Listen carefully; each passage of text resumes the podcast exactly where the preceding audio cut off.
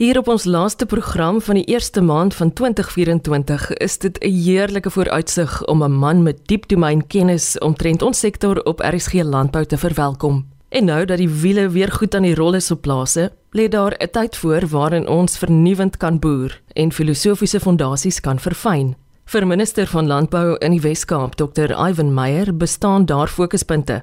Leierskap is volgens hom grootliks daarop gefundeer Hy deel sy drome, dit wat hom na in die hart lê, en sy wens vir elke Suid-Afrikaner wat landbou liefhet. Dr Meyer lewer ook kommentaar oor die rol van landboumedia. Wel ek dink uh 2023 was 'n baie harde jaar vir ons boere veral hier in die Wes-Kaap. Ons het vier oorstromings gehad, ons het baie uh kragonderbrekings gehad. 'n Mens kan nie suksesvol boer sonder krag. Maar soos u dikwels al genoem het op hierdie program, 'n boer maak 'n plan en ek is baie dankbaar ook met die herstel van ons paaie het ons boere ons baie behulpsaam gewees in die jaar 2023. Ons weet ook dat in Suid-Afrika lê daar ook 'n baie nuwe fase in die Suid-Afrikaanse makropolitiek. Daar is ook 'n verkiesing. Ek hou ook die verkiesingsdop in Europa, ook in Italië, ook in Frankryk en ek sien dat die boere se stemme word getel in Nederland, daar ook tans in Italië as ook in Frankryk. Ek het onlangs met die vorige minister van landbou in Nederland gepraat. Hy was hier meneer Piet Ardema. Uh, ek het ook verlede maand het ons 'n vergadering gehad met die adjunkminister van landbou in Italië wat ook 'n mediterrane landboustreek is. Die boodskap is duidelik. Boere reg oor die wêreld soek 'n regering wat na hulle luister. Hulle soek 'n regering wat omgee vir die boere Hulle soek 'n regering wat empatie het vir die omstandighede waarmee hulle boer. Hulle soek 'n regering wat ook die hartklop van boere verstaan. So as jy my vra wat is die uitdagings vir 2024 vir landbou, wil ek dit onombonde stel gegee die makro-internasionale politiek, die geopolitiek, die oorlog in Oekraïne, die moeilike omstandighede in die Midde-Ooste. Ons in 2024 hier in Suid-Afrika soek vier goed. 1 Ons soek 'n nuwe nasionale regering en 'n nuwe nasionale departement van landbou wat wil omsien na boere, alle boere, kleinboere, kommersiële boere, bestaanboere en alle mense wat 'n liefde het vir landbou. Die tweede ding wat ons graag wil sien in Suid-Afrika van landbou speel 'n baie belangrike rol in die ekonomie en in werkskepping. Ons wil graag sien 'n privatisering van die hawens. Hier in die Weskaap is ons verantwoordelik vir 55% van Suid-Afrika se primêre landbouuitvoerprodukte. Maar die hawens in Suid-Afrika, beide in Durban, soos ook in Kaapstad en elders, is vir ons 'n groot kopseer. So die vir die nuwe regering soek ons die privatisering van hawens.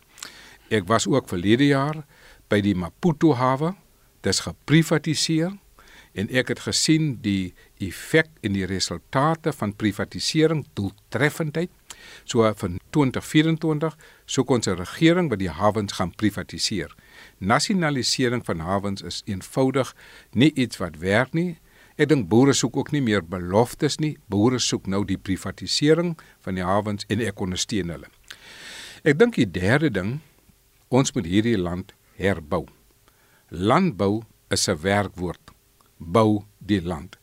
Boere is bereid om die land te bou en daarom dink ek een van die beste instrumente om die land te herbou is om meer landbouskole in Suid-Afrika te vestig en om ook meer landbouvakke te implementeer by bestaande skole. So dit is vir my van kritieke belang. Die vierde ding wat ek ook graag wil sien, ek sal 'n aankondiging maak in Maart maand. Ek wil sien dat die nuwe minister van landbou se prestasieooreenkoms gepubliseer word op 'n webbladsy sodat mense kan weet wat is die taak van die ministers. Hierdie ding wat ministers agter donker skerms werk en niemand weet wat is hulle taakomskrywing nie. Dit moet gepubliseer word 5 jaar later om nou vir 'n minister te vra waar is jou prestasieooreenkoms is 'n bietjie te laat. Ek soek 'n baie meer proaktiewe optrede, so wil die boere sien Dit is wat hulle kan verwag van die minister van landbou. Maar ek wil ook sien dat die minister En die nasionale kabinet elke 3 jaar moet vergader met die landbousektor, nie net die minister van landbou nie, die hele kabinet. Want boere is nie meer boere nie, hulle is ook nou burgemeesters. Hulle moet water voorsien, hulle moet riool voorsien, hulle moet behuising voorsien, hulle moet vervoer voorsien. Baie van ons boere het selfs 'n kliniek op hulle plaas. So 'n boer is eintlik 'n burgemeester op sy dorp. En as hy 'n burgemeester op sy dorp is, moet die staat ook sy aandeel na die dorp toe bring. Maar hier in die Weskaap sien ek ook baie van ons plaaswerkers wat ongelukkig nog sterf in padongelukke. Voertuie is oorlaai. Mense ry onverskillig. Daar is dinge wat my geweldig pla rondom die vervoer van agriwerkers, maar nie net agriwerkers nie. Van sommige van die mense is mense in die boubedryf, in die mynbedryf. En daar's jaarliks ongelukke verlede week was daar weer 'n ongeluk wat 3 persone gesterf het. Ek het 'n verslag aangevra vir dat. So ek wil minder van daardie goed sien in die nuwe jaar. Die laaste vir my is van kritieke belang. Baie van ons boere het groot investerings gedoen vir die kragonderbrekings. Hulle het alternatiewe uh, besparings wat hulle gehad het, het hulle ingestort in die boerderypraktyke vir die voorsiening van groen energie. Ek wil sien dat hulle subsidies kry en dat dit effektief is, dat daar kriteria is wat 'n mens kan verstaan, maar wat vinnig en aanlyn kan uitbetaal, want dit is onregverdig dat ons boere in Suid-Afrika geen subsidies van die staat kry nie, maar tog wel internasionaal moet uitvoer. So daardie is vir my van die kritieke goed wat ek in die nuwe jaar wil uitsien. Suid-Afrika het ook geen eintlik noemenswaardige uitvoer bilaterale handelsooreenkomste nie. Die res van die wêreld het met klomp ander lande bilaterale gunstige ooreenkomste. Ons moet met lande handel stryf so Chili en Peru, Australië, Nederland. Daardie mense het gunstige handelsooreenkomste met die Europese Unie, met Amerika, met Asië, lande veral China en daardie tipe lande, Filippyne. Ons het nie daardie gunstige handelsooreenkomste nie. So van 'n nuwe regering sal ons ook aandring dat daar moet gekyk word na die bepaling en vaststelling van nuwe handelsooreenkomste. Ek het 'n vergadering hierdie jaar gehad met die uh produsente organisasies en ons uitvoerders. Ek het vir hulle gevra na watter lande toe wil julle nog uitvoer? En hulle het vir my aangedui hulle wil meer uitvoer na die ooste. Ek kan dit verstaan want in China het ons 1.4 miljard mense India 1.5 miljard mense. So dis groot markte waarvoor daar 'n groot aanvraag is. Ek dink Suid-Afrika is in 'n unieke geleentheid met die kwaliteit van ons produkte om daardie nuwe markte te ontgin. Maar ek soek meer landbouskole. Ons het 44 distrikmunisipaliteite. Ek soek omtrent 5 landbouskole in elke distrik in Suid-Afrika. Dis my missie, dis my plan vir 2024. Minister, wat is u persoonlike boodskap uit u hart vir ons boere? Wel, ek dink vir ons boere, hulle het hard gewerk hierdie jaar, hulle familie, hulle gesinne, hulle werkers onder uiters moeilike omstandighede. So vir my, vir die boere in ons landelike omgewing, maar ook vir ons VLV, die Vroue Landbouvereniging, ek het hulle besoek uit my hart uit wil ek vir hulle sê eerstens dankie vir die bydrae wat hulle gelewer het oor die afgelope 3 jaar. Van ons het gesien tydens Covid dat hulle die pad oopgehou het want landbou was geklassifiseer as 'n essensiële diens. Hulle het geproduseer en hulle het ook 'n bydrae gelewer tot ons humanitêre verligting. So uit my hart uit vir ons boere baie dankie vir die enorme bydrae wat u gelewer het. Hier in die Weskaap het ons iets uniek gesien. Ons het gesien dat In die 4de kwartaal van die jaar 2022 het Suid-Afrika 169000 nuwe werksgeleenthede geskep. 2% van daardie werk is in die res van Suid-Afrika geskep en 98% in die Wes-Kaap. So my groot dank en waardering vir ons boere, maar nie net in die Wes-Kaap nie. Landbou is groter as die Wes-Kaap. Die tweede grootste kommersiële landbou is in die Vrystaat. Ons boere het groot brande gehad daar in in die Vrystaat as ook in Noordwes. Ons het ook plaasaanvalle gesien toeneem veral ook in Limpopo en in KwaZulu-Natal.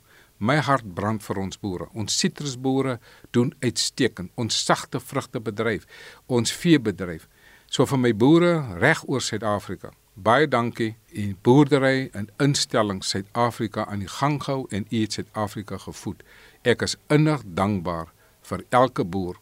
Daarom het ek die hitsmerk geskep vir ons boere vir die liefde van landbou. Ek wil ook baie graag dankie sê aan RSG Landbou as ook aan al ons landbou uh, kommunikasiebeamptes van die boodskap van landbou word baie positief uitgedra deur ons landbou media redakteurs, ons joernaliste, uh ons tydskrifte, daar's verskillende tipe tydskrifte, ook groot plaas wat 'n landbou is, veeplaas, landbou weekblad, maar daar's vele ander Farmers Weekly. Al daardie mense publiseer stories oor landbou van landbou uit die landbou. Ek wil ook graag vir hulle sê baie dankie want in Suid-Afrika kan 'n mens so maklik hoop verloor. En in al hierdie uh programme wat ek dikwels ook luister hier 5:00 die oggend af van RSG Landbou en ook Saterdag op die radio, maar ook die tydskrifte wat ek lees, skep werklik hoop. So groot dank en waardering aan al die joernaliste en omroepers wat werk in die landbousektor wat ook jaarliks groot bydraes lewer daar by Nampo Kaap in Bredasdorp asook by Nampo en Botawil maar ook by ander landbouskoue reg oor Suid-Afrika. Want 'n landbouskou is ook 'n plaaslike ekonomiese ontwikkeling maar die stories van landbou word geskryf deur joernaliste en ek kan nie genoeg vir hulle dankie sê nie van hulle stories gebruik ek dikwels vir voorbereiding vir my toespraak in die parlement. Ek wil hê hulle moet weet dat ek groot dank en waardering het vir die kwaliteit artikels, publikasies en radioprogramme wat ons dikwels na luister.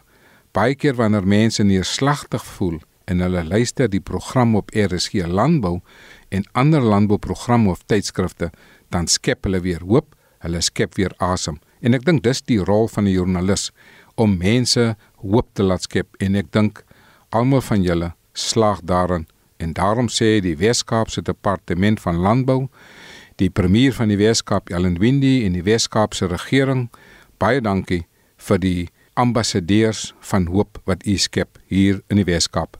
En wat 'n voorreg om deel te hê in die narratief. Dr Ivan Meyer is minister van landbou in die Weskaap Mag die 'n jaar wees waarin ons die bil by die horings pak, 'n hond uit 'n bos praat oor goeie nuus en ons boere 'n leeu aandeel kry in die lof wat hulle toekom. Luister gerus weer na die program of hou dit as digitale aandenking na 'n besoek aan www.elsenburg.com. Stories van hoop en inspirasie deel ek binnekort weer met jou en ek wens jou gelukkige dae intussen. Ek is Eloise Pretorius. Totsiens.